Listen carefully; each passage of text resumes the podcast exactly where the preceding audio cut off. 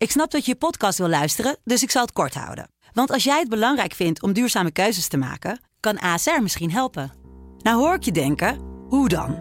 Nou, bijvoorbeeld bij het duurzaam herstellen van schade. Of de premies die we beleggen volgens ons duurzaam beleggingsbeleid. Dat bepaalt waar we wel en juist niet in investeren. Wil je meer weten over welke duurzame keuzes ASR maakt? Ga dan naar asr.nl slash duurzame keuzes. ASR doet het. Zo, dan kan je nu lekker naar je podcast luisteren.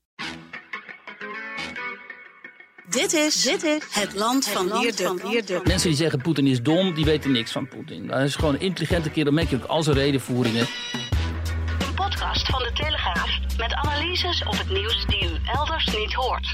Als je de illusie hebt dat van daaruit ooit iemand zal opstaan die Poetin zal gaan uitdagen en een democratisch Rusland zal vestigen, dan leef je in een totale sprookjeswereld.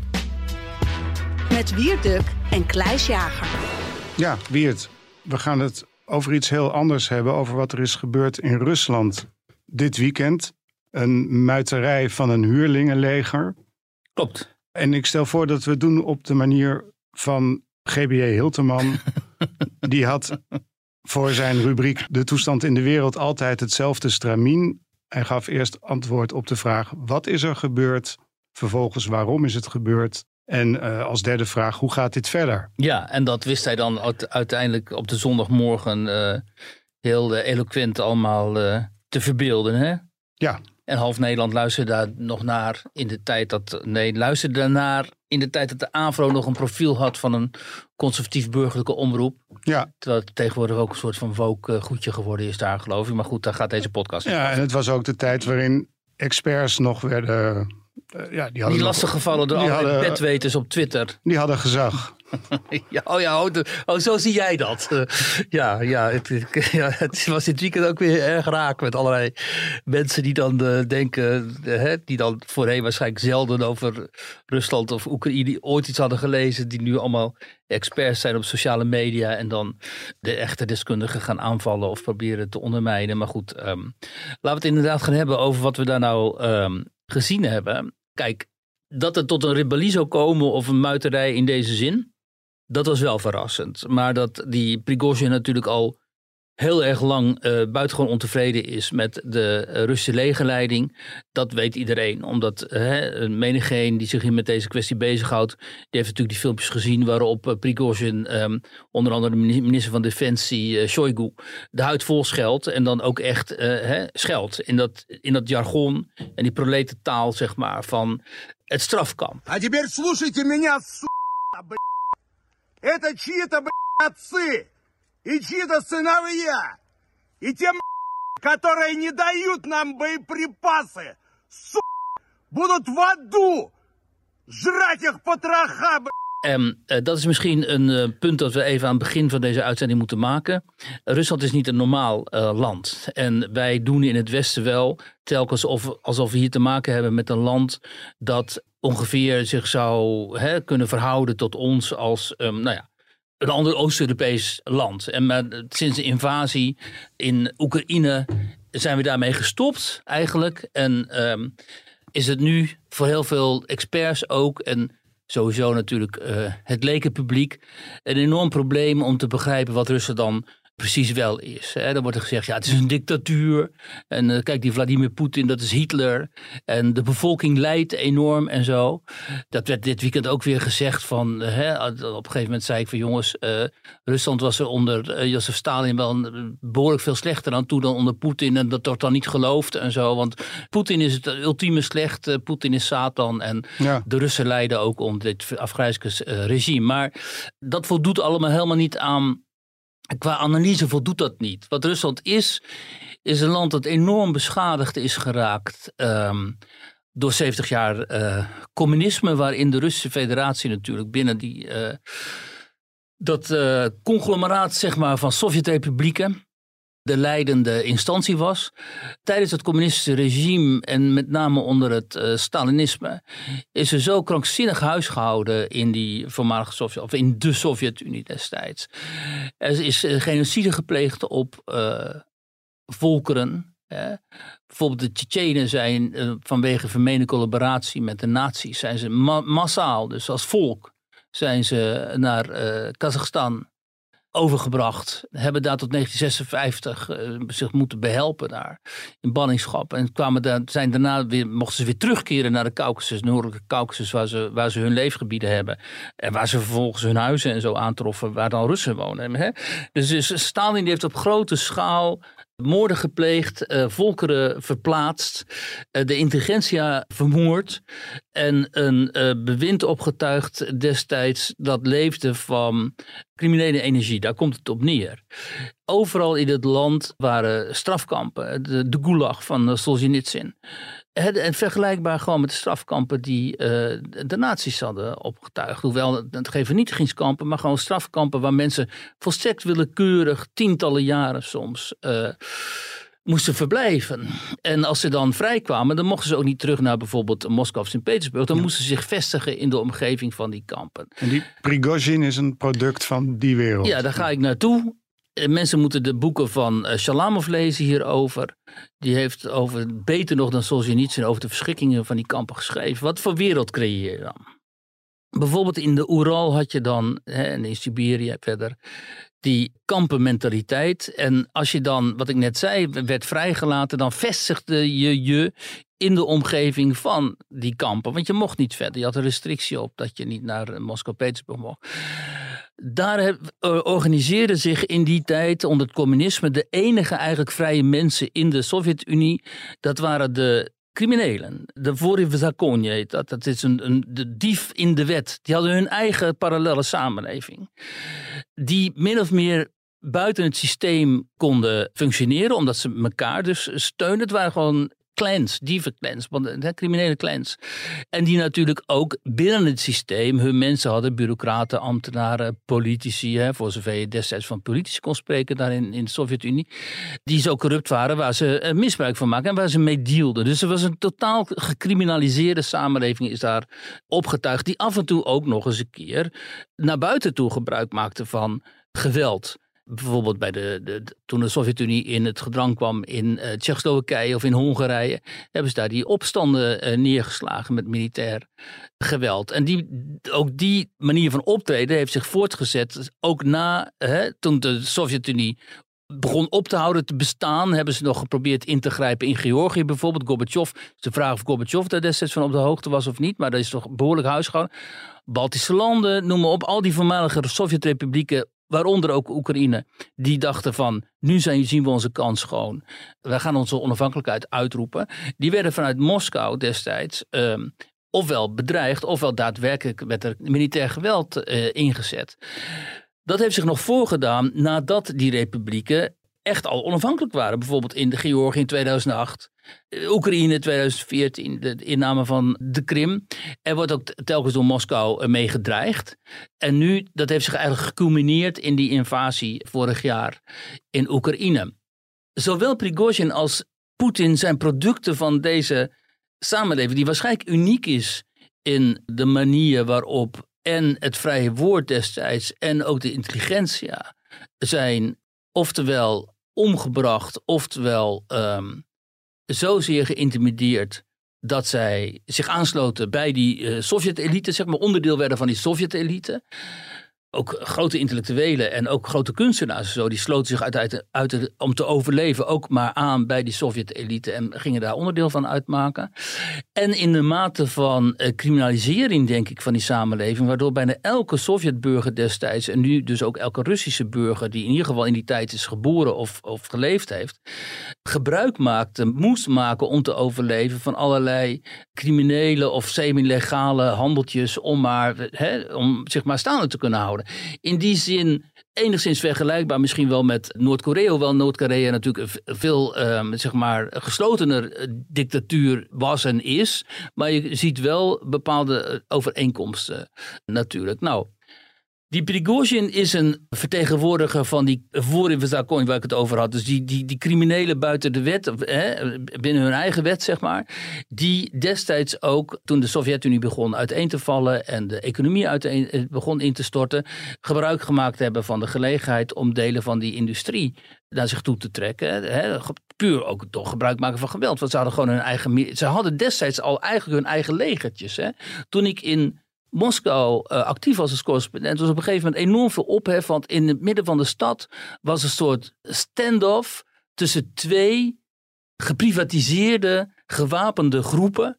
die een bepaald deel van de stad betwisten. En dat waren dus gewoon, net als in misschien in, in Latijns-Amerika je dat af en toe hebt. Dat waren dus gewoon uh, twee privélegers van twee oligarchen die daar lijnrecht tegenover elkaar stonden. En de staat had niet de, de doorzettingsmacht, de Russische staat op dat moment, die zo zwak was, om dat te, te voorkomen.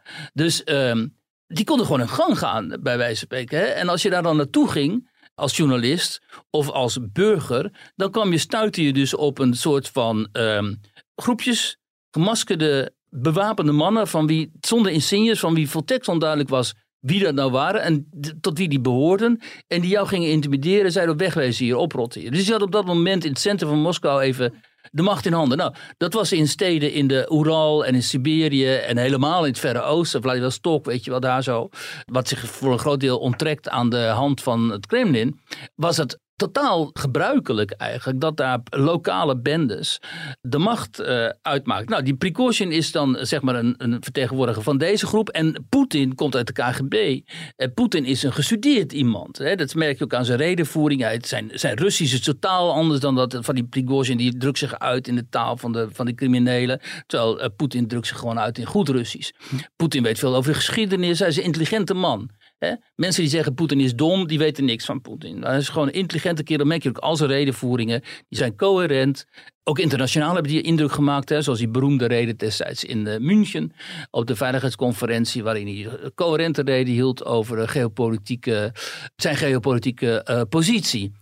Poetin heeft dus tot nog toe gebruik gemaakt van de crimineel Prigozhin om zijn zaakjes daar in Oekraïne en ook in Afrika overigens, waar Wagner, waar die Prigozhin dan de financier van is, heel actief is. Wagner was tot nog toe vooral actief in Afrika en in Syrië. In Syrië hebben ze geholpen om Assad in de, aan het bewind te houden en in Afrika helpen ze om daar eh, grondstoffen voor de Russische regering, voor de Russische overheid, om in ieder geval die veilig te stellen, laten we het zo zeggen, toegang daartoe veilig te stellen.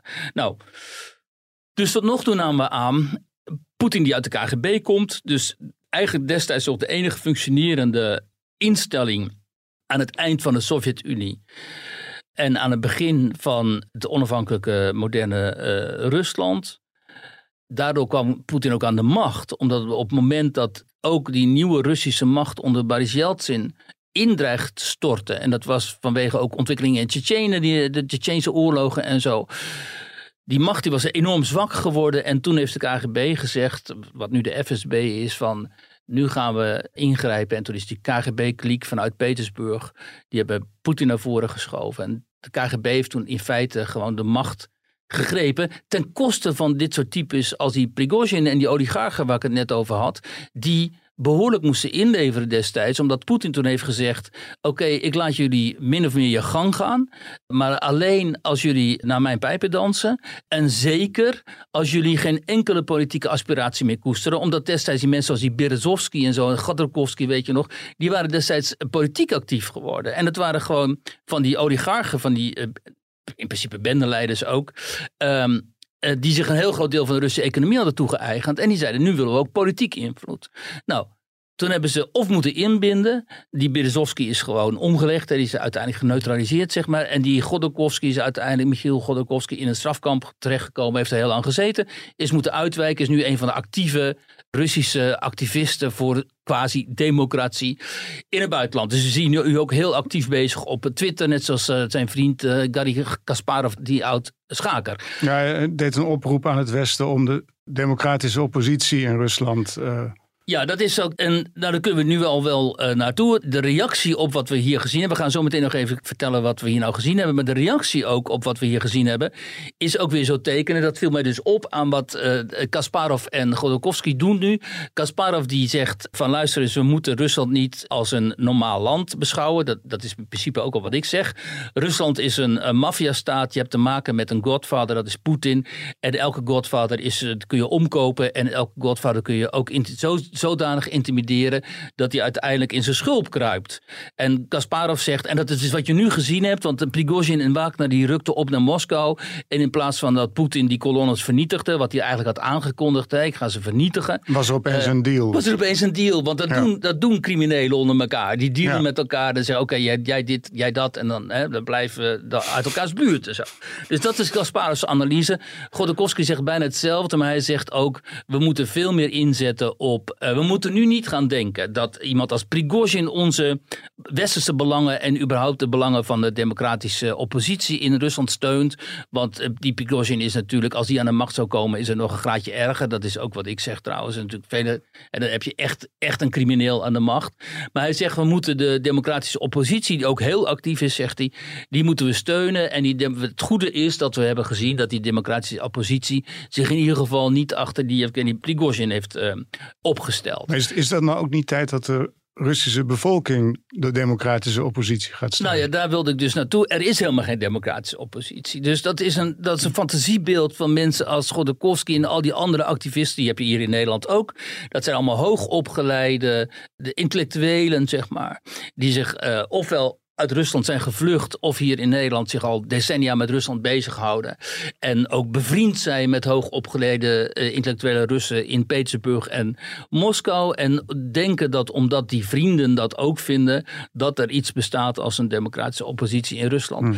Maar dat is, dat is eh, flauwekul. Die, die bestaat wel, maar dat is een heel, heel klein deel van eh, de Russische bevolking. En als je de illusie hebt dat van daaruit ooit iemand zal opstaan die Poetin zal gaan uitdagen. Of desnoods iemand als die Prigozhin zal gaan uitdagen. En dan ook nog eens een keer een meerderheid van de kiezers achter zich zal vinden.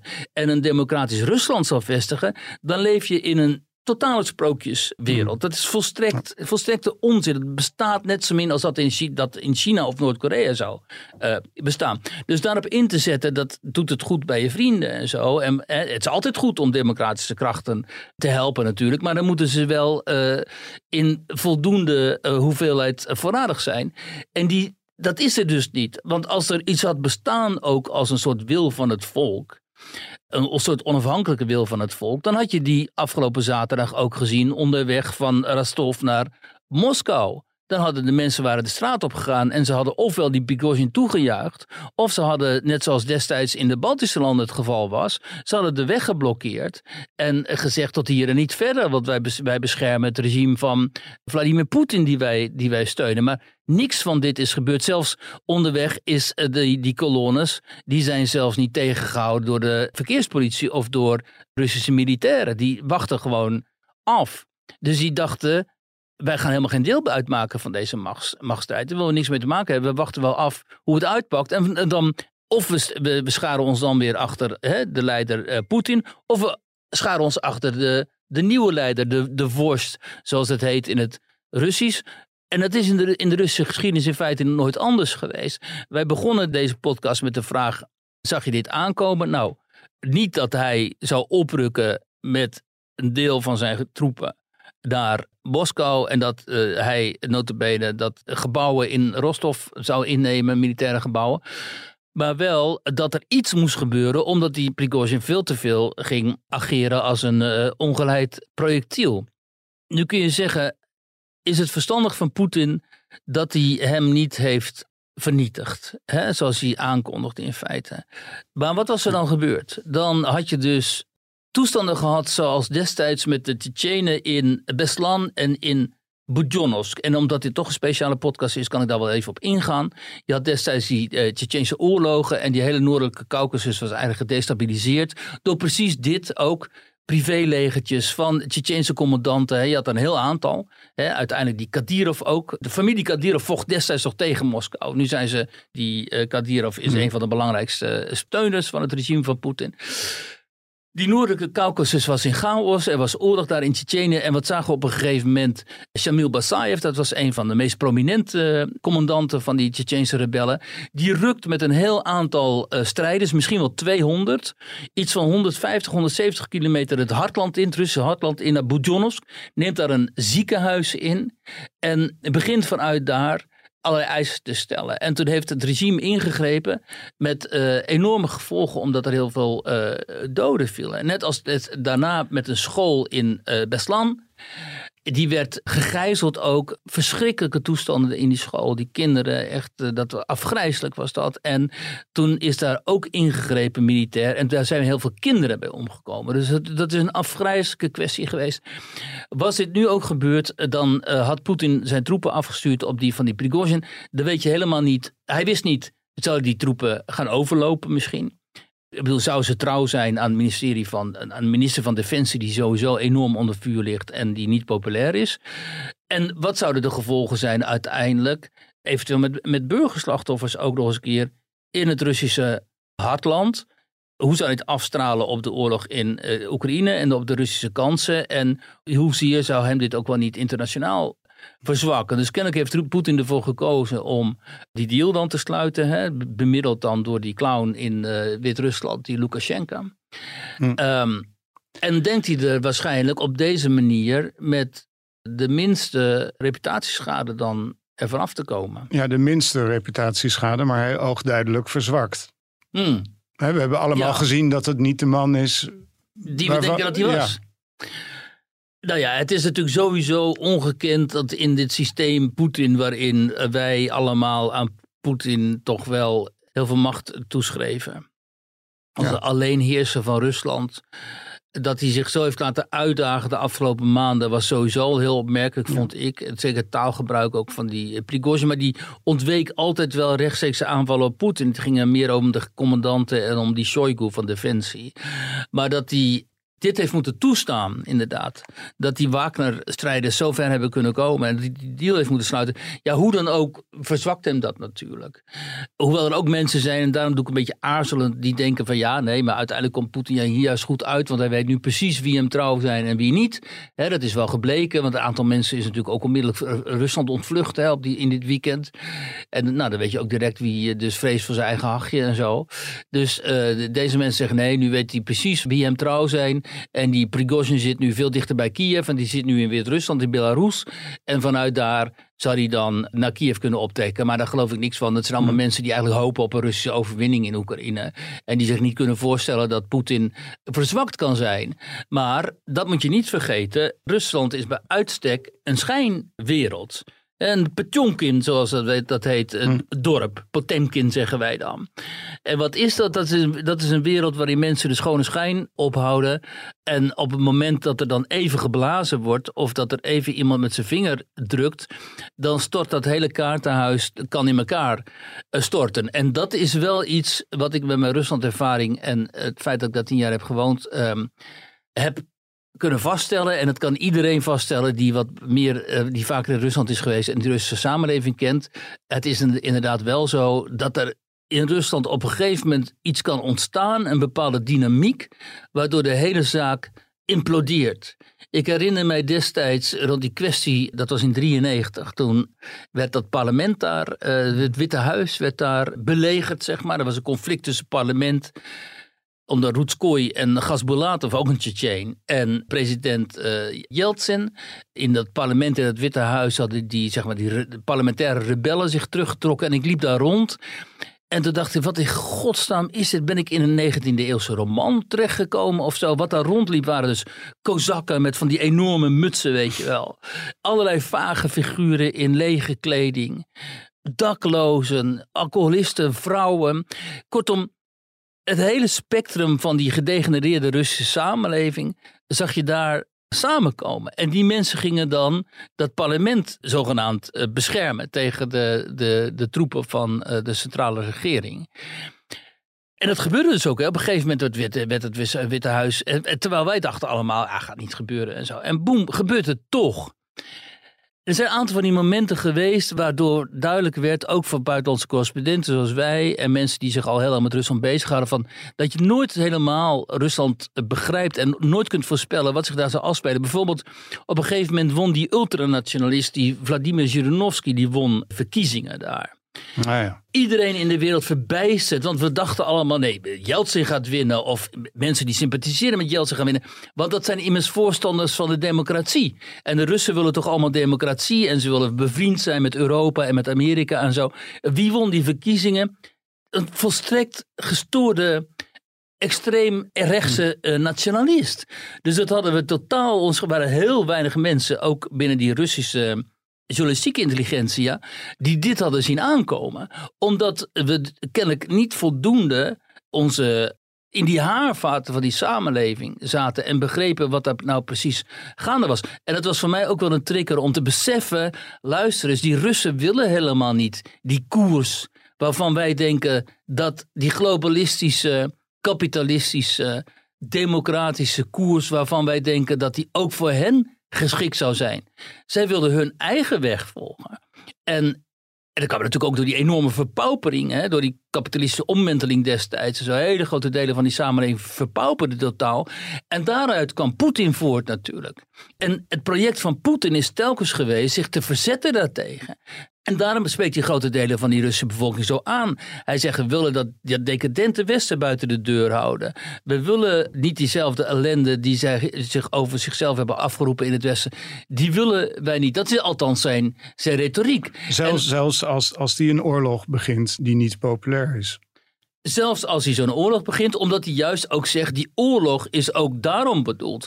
Die oorlog is A bedoeld om die Oekraïnse neonazies te stuiten. En die neonazies die worden gesteund door het Westen. En het Westen is een totaal decadente bende onder leiding van de Verenigde Staten. En die willen dat ieder zo leeft als zij. En die willen dat ieder hun ook in cultureel en religieus opzicht zo leeft als zij. En wij zijn een eigenstandige oeroude beschaving, heeft hij letterlijk ook weer gezegd in zijn toespraak. We bestaan duizend jaar. Wie heeft het recht om ons te vertellen hoe we moeten leven? Hè? En daarvan kun je, elk van die argumenten kun je onderuit halen natuurlijk. Alleen in de emotionele beleving van de Russen gelden al die argumenten. En zeker door die Russische propaganda ook nog eens een keer aangewakkerd en zo. Dus het is helemaal niet gezegd dat in eigen land althans Poetin, omdat hij nu uh, verzwakt zou zijn door, door, deze kwestie met die Prigozhin, dat hij zijn populariteit zal verliezen. Ook omdat er immers niemand klaar staat om hem op te volgen. Want al die mensen rondom hem, hè, waarvan die namen die vallen dan af en toe en zo. Die worden door de Russen ofwel niet serieus genomen, of ze kennen ze niet eens. Of ze denken van nou, weet je, uh, dan wordt het alleen maar erger. En ook die Alexei Navalny, die dan in het Westen wordt gezien als een oppositieleider. Die maakt geen enkele kans. En bovendien heeft Navalny gewoon ook hele bedenkelijke, ook in onze ogen uh, ultranationalistische trekjes, waarvan eigenlijk uh, westerse democraten zouden moeten zeggen, ja, maar daar willen wij ook niks hm. mee te maken hebben. Dus uh, die Poetin die, die, zit volgens mij nog wel stevig in het zadel, mede om vanwege de redenen die ik net aangaf. Maar wat gaat hij doen met Prigozhin? Om zijn gezicht te redden zou je zeggen dat hij hem uit de weg moet ruimen? Of, ja, nou ja, kijk, in ieder geval is het zo dat alle tegenstanders van Poetin uh, uit het verleden, inclusief al die Tsjetsjense commandanten waar ik het over heb, over, over had, uh, allemaal zijn omgebracht. Dus uh, tot in Dubai en elders en zo zijn die opgespoord en een beetje Mossad-achtige um, interventies, zeg maar, zijn ze vermoord. Dus um, op het moment denk ik dat Poetin inderdaad die Prigozhin helemaal niet meer nodig heeft dan zal er ongetwijfeld iets met hem gebeuren. Uit dat hij uit de raam valt of zo of zoiets. Maar ja, vergeet niet, je zit ook met die Wagner-belangen in, uh, en dat zijn dus Russische belangen, in uh, Afrika en in Syrië en zo. Dus het kan ook zijn dat die Prigozhin voor Poetin nog altijd nuttig is. Want kijk, Poetin is natuurlijk ook niet tevreden met zijn generaalstaf en met die minister van Defensie Shoigu. Dus hij kan die dreiging vanuit Wagner altijd gebruiken om tegen dit soort uh, uh, corrupte types om hem heen te zeggen van kijk eens, als jullie of hij kan altijd zeggen, kijk eens, ik ben gedwongen om jullie te vervangen, want de, de dreiging vanuit Wagner is zo groot dat ik in ieder geval wel deels moet meegaan in hun eisen. Maar ja, um, kijk eens, iedereen die nu zegt van eh, te weten uh, wat hier zich precies heeft afgespeeld en hoe zich dit allemaal zal ontwikkelen verder, die praat dus onzin. Want zoals ik je al eerder aan, aangaf, zelfs toen ik daar correspondent was en met mij heel veel anderen, hebben we heel veel ontwikkelingen in Rusland destijds over het hoofd gezien. Ook omdat wij deel uitmaakten in Moskou, zoals het gaat. En onze bronnen hadden binnen ook die journalistiek, journalistiek-intellectuele kringen. Die inderdaad geneigd waren om pro-democratisch te zijn natuurlijk. En de kant van het Westen te kiezen en zo. En we weliswaar interviews hielden en gesprekken hielden met zeg maar de gewone Rus. Maar uiteindelijk, wij uiteindelijk niet begrepen dat juist die gewone Rus, zeg maar, het hart, hart vormde van wat zich daar in Rusland afspeelde. Wij dachten destijds, ja, die communisten, je had toen die Zhugan of weet je wat, die communisten en zo. Ja, dat is allemaal afgelopen zaken. En die nationalisten, dat zijn, dat zijn een stelletje clowns en zo. Maar die bleken dus gewoon heel belangrijk te kunnen zijn. Hè? Kijk, in, in, in principe verkeer je dan in een soort positie waarin zeg maar, mensen die actief zijn voor D66 of op D66 stemmen in Nederland nu zijn. Hè, die kijken op die manier naar de Nederlandse samenleving. Denk, ja, moet je allemaal niet serieus nemen en zo. En opeens staat uh, Caroline van der Plas voor hun neus. En ik denk, eh? Hoe kan dit nou? Ja, dat komt omdat je allerlei ontwikkelingen hebt uh, gemist in de Nederlandse samenleving. En bij, in het geval van Rusland komt er nog bij dat het een volstrekt ondoorgrondelijke uh, samenleving is. Met totaal eigen uh, mythes, dynamiek. een mysterie verpakt in een raadsel hoor je steeds. Nou ja, dat is dus die, die bekende uitspraak van Winston Churchill. Hè, want die zag het ook niet meer. En die zegt dan inderdaad een mysterie verpakt in een raadsel, verpakt in een enigma of zo. in ieder geval een samenleving waarvan jij denkt wat speelt u nou precies? En vanaf het eerste moment dat ik in de Sovjet-Unie kwam, dacht ik: wat is dit in vredesnaam voor een wereld? En hoe kan ik hier toegang toe krijgen? Nou ja, sowieso via de taal natuurlijk, maar als je dan de taal spreekt, dan nog denk je zo vaak van: wat zijn hier nou precies de machtsverhoudingen? Wie is wie? Wat gebeurt hier nu precies? Dat weten we gewoon niet. Het is natuurlijk ook niet voor niks dat Kremlinologie decennia lang tijdens de Koude Oorlog een soort van vak was. Ja. Waarin uiteindelijk eigenlijk iedereen het mis had. En niemand überhaupt, iemand als Michiel Gorbachev zag aankomen. Omdat we wisten het, ja, het was, gewoon niet. Het was echt koffiedik uh, kijken. Puur koffiedik kijken. Kremlin watchen. Ja. Kijk, en hetzelfde nu met China natuurlijk. Als jij, of, als jij mij iets vraagt over wat, wat speelt zich daar af rond die Xi Jinping en zo. Ja, wie weet dat nou, weet je? En, en, en er zijn waarschijnlijk heel weinig westerse China-kenners ook die precies weten wat zich daar aan die partijtop. Of daar, waarschijnlijk niemand die precies weet wat zich daar binnen die partijtop uh, afspeelt. Nou, op die manier moet je ook een beetje naar uh, Rusland kijken. Dus ik moet altijd een beetje lachen. Hè? Dan, zoals vanochtend ook op de radio, dan is er um, mm. stand.nl. En het standpunt is, uh, tekent het einde van Poetin zich hier af? En ja. dan komt er weer een of andere zogenaamde deskundige van Klingendaal en zo. En die gaat dan ook iets, en die spreekt al die namen fout uit. Hè. Die heeft dan over Prigozhin en zo, en uh, Voronesh en zo. En dan weet je, oh god, weet je, dat is allemaal fout. En hoe kunnen die mensen nu iets zeggen over Rusland? Als ze de taal niet kennen, het, ze weten waarschijnlijk nauwelijks waar het Voronesh, wat Voronesh is, ligt. Weet je wel? Ze hebben er niet gewoond, ze weten niet hoe het er ruikt, ze kennen die mensen niet, ze weten niet dat die Russen, die Russen gewoon, ook die soldaten de helft van de tijd dronken zijn, ook niet weten waar ze zijn, ook niet weten op wie ze moeten schieten. Dat is een kamikaze samenleving. Wat één iemand drukt het wel goed uit dit weekend op, op Twitter. Het besturen van Rusland is een permanente vorm van improvisatie.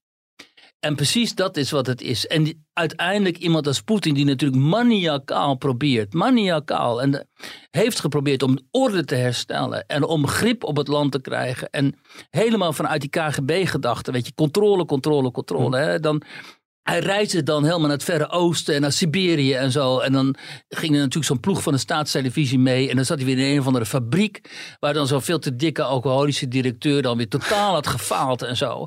En dan nam hij gewoon even de fabriek over. Hè? Dan ging hij daar zitten op de ja. stoel van de directeur.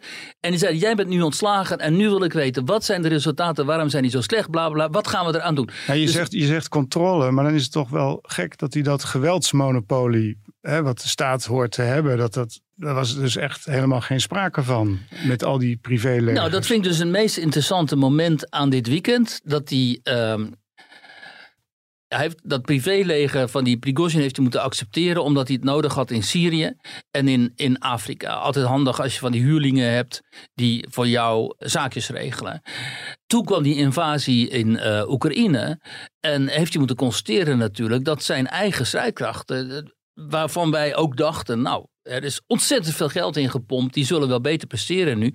Doen ze niet. Want ja, dit is Rusland. Dus heel veel van het geld dat naar die strijdkracht had moeten gaan, is in de zakken van die generaals verdwenen. Daar scheelt die Prigozhin ook de hele tijd over. Jullie zijn corrupte varkens. Jullie hebben dat geld gestolen wat voor de soldaten was bedoeld. En die soldaten hebben niks. Zo gaat dat daar dus. En dat heeft Poetin waarschijnlijk of niet goed geweten. Hè, of hij hij heeft sowieso natuurlijk de tegenstand in Oekraïne en van het Westen onderschat. En toen heeft hij moeten denken, oh shit, weet je, dat, dit, dit functioneert dus niet. Hè. Nu moet ik notabene inmiddels een beroep doen op uh, gevangenen die we hebben vrijgelaten om die recruten daar, en die hebben moeten recruteren voor, voor het front. En die sterven natuurlijk bij bosjes, want die kunnen helemaal niet, niet vechten en zo om die aantallen maar uh, aan te vullen. Dus ja, in die zin heeft hij zich uh, enorm vergist. Maar hij heeft zich wel vaker vergist. Hij heeft zich in 2011, 2012 ook vergist. Toen hij notabene de middenklasse, die hij zelf had ge, ge, min of meer heeft laten ontstaan omdat hij destijds wel degelijk inderdaad de rust terugbracht en de stabiliteit in Rusland. En hè, Rusland kon gebruik maken van een enorme grondstoffenarsenaal, kon ze verkopen. Dus er ontstond een middenklasse in die steden. En dat was ook de bedoeling. Maar ja, die middenklasse keerde zich op een gegeven moment tegen hem, omdat ze meer politieke vrijheden en meer democratie wilden. En dat dat was zijn grootste crisis, hè? Tot, dat was zijn grootste crisis tot nog toe, inderdaad. Daar wordt nu ook wel naar verwezen hè, door, hm. door, door de Ruslandkundigen en zo. En het is ook zo. En dat heeft hem ontzettend gekwetst natuurlijk. Omdat hij destijds dacht, ja maar luister jullie hebben je welvaart en je stabiliteit aan mij te danken. En nu keren jullie je uh, tegen mij. Hè, bij die massale protesten destijds in, die, in, in Moskou en elders. En nou ja, de analyse is zo dat hem dat inderdaad wel ertoe heeft gebracht om ook meer uh, weer uh, repressiever op te treden. Ja. En van die Poetin van destijds, ja, ik bedoel, je ziet natuurlijk ook als je veel te lang aan de macht bent, dan word je totaal, raak je helemaal onthecht van natuurlijk van je eigen bevolking en zo. Dus hm. de vraag is of hij überhaupt nog weet wat er nou precies uh, speelt in die samenleving en ook of hij wel de juiste berichten van het front en zo uh, krijgt. Maar ik moet je zeggen, die speech die hij hield uh, dit weekend, dat was, um, die was coherent. Dat was Poetin zoals we hem eigenlijk kennen. Maar goed, de maatregelen die hij daarin aankondigde, die heeft hij dus niet uh, doorgevoerd. И наши действия по защите Отечества от такой угрозы будут жесткие. Все, кто сознательно встал на путь предательства, кто готовил вооруженный мятеж, встал на путь шантажа и террористических методов, понесут неименуемое наказание. En dat is het nou ja, zoals al eerder gezegd, het moment natuurlijk van dit weekend. Het feit dat, dat op een gegeven moment die opmars stopt en er kennelijk een deal is gesloten waar Poetin mee kan leven ook. Of hij komt misschien niet anders. Nou ja, en dan als hij niet. In elk scenario komt hij hier verzwakt uh, uit natuurlijk. In ieder geval zijn reputatie. Nou, we gaan het zien. Ja. Ja, want veel meer kunnen we er misschien niet over zeggen. Behalve dan hè, allemaal van die details zoals ja waarom zou die Prigozhin dan hebben besloten om die opmars te stoppen? Ja, ja dan kun je zeggen. Wat is hem beloofd? Nou ja, eh, families van die uh, zouden zijn. Uh, families van die Wagner-top die zouden dan zijn aangepakt. Nou ja, dat kan natuurlijk heel goed zijn. Dat het dus gedreigd is van we gaan je kinderen en je, en je, en je vrouwen, vrouwen vaak ook aanpakken. En dan, dan, dan deins je natuurlijk wel terug. Ja, wat gaat er nu gebeuren? Nou ja, de Shoigu had natuurlijk al eerder een, eh, een oekase hè, uitgevaardigd dat die privélegertjes onder de hoede van het ministerie van Defensie moeten komen. Dus dat moeten we dan gaan zien of dat gaat gebeuren. En over de huidige verblijfplaats van Prigozhin, dat weten we nog niet. Hè? Want hij zou dus naar Belarus gaan, naar Wit-Rusland. Maar vanochtend was het nog zo dat men eigenlijk niet wist waar hij zich nou uh, ophield. Misschien rijden ze hem heel ergens anders naartoe. En duwen ze hem uit een raam, dat zou natuurlijk ook kunnen. Nou ja, in ieder geval, waarschijnlijk is deze kwestie hiermee nog helemaal niet uh, van de baan. En wat voor gevolgen dit dan zou hebben voor het uh, front. Kijk, ik, ik, hoorde ook, of ik las bij ons in de krant, een Belgische oud-kolonel die zei van nou, hier is wel bewezen dat als de Oekraïners zouden doorstoten door de frontlinie, dat ze dan vrij snel kunnen oprukken naar Moskou. Maar ja, dat lijkt mij sterk, omdat het is nogal een verschil natuurlijk of Wagner daar over straat rijdt of Oekraïnse militairen ik mhm. denk niet dat de Russische bevolking en de Russische, Russische militairen op dezelfde manier naar, Oekraïnse, naar de vijand kijken als naar Wagner, wat in principe de stoottroepen zijn in Oekraïne. Dus dat lijkt me niet. Maar ja, nogmaals, ehm, destijds konden die Tsjetsjenen ook helemaal diep tot in het hartland naar Bujonovsk uh, oprukken. Dus uh, dat kaartenhuis, wat Rusland vaak is, kan best zijn dat Rusland dat op dit moment ook is. En dat die, dat die verticale machtsstructuur van Poetin, zoals het heet, dat die eh, op drijfstand uh, berust op dit moment. En we hebben natuurlijk wel eens eerder gezien dat uh, regimes waarvan wij heel lang dachten dat die heel lang zouden nog gaan standhouden, dat die opeens in elkaar klapten. Weet je nog, uh, destijds uh, Ceausescu-regime, ja. toen hij op het balkon stond, toen begonnen mensen te roepen en te schreeuwen en zo. En binnen de kortste keren was, was het voorbij. Ja, ik dacht eigenlijk even dat we zaterdag zoiets zouden meemaken. Ja, maar dat is dus niet gebeurd. Nee. En dat is interessant hier ook aan. want inderdaad, je zou kunnen denken: oké, okay, maar daarvoor mist dus ook die Russische bevolking te zeer het politieke gevoel om zich tegen Poetin te keren en de gelegenheid aan te grijpen om regime change door te voeren. Maar ja, dat kan natuurlijk ook zijn dat ze denken: ja, luister eens, uh, Poetin zit daar, maar we zitten natuurlijk niet, niet te wachten op zo'n crimineel als die, die Prigozhin. Die zal het leven voor ons uh, helemaal niet uh, verbeteren. Dus dat, dan moeten we daar maar van uitgaan. Dankjewel, Weert. Dankjewel, Kleis. Donderdag een nieuwe aflevering in het land van Wierduk. Maar dan zit Roel den Outer hier weer.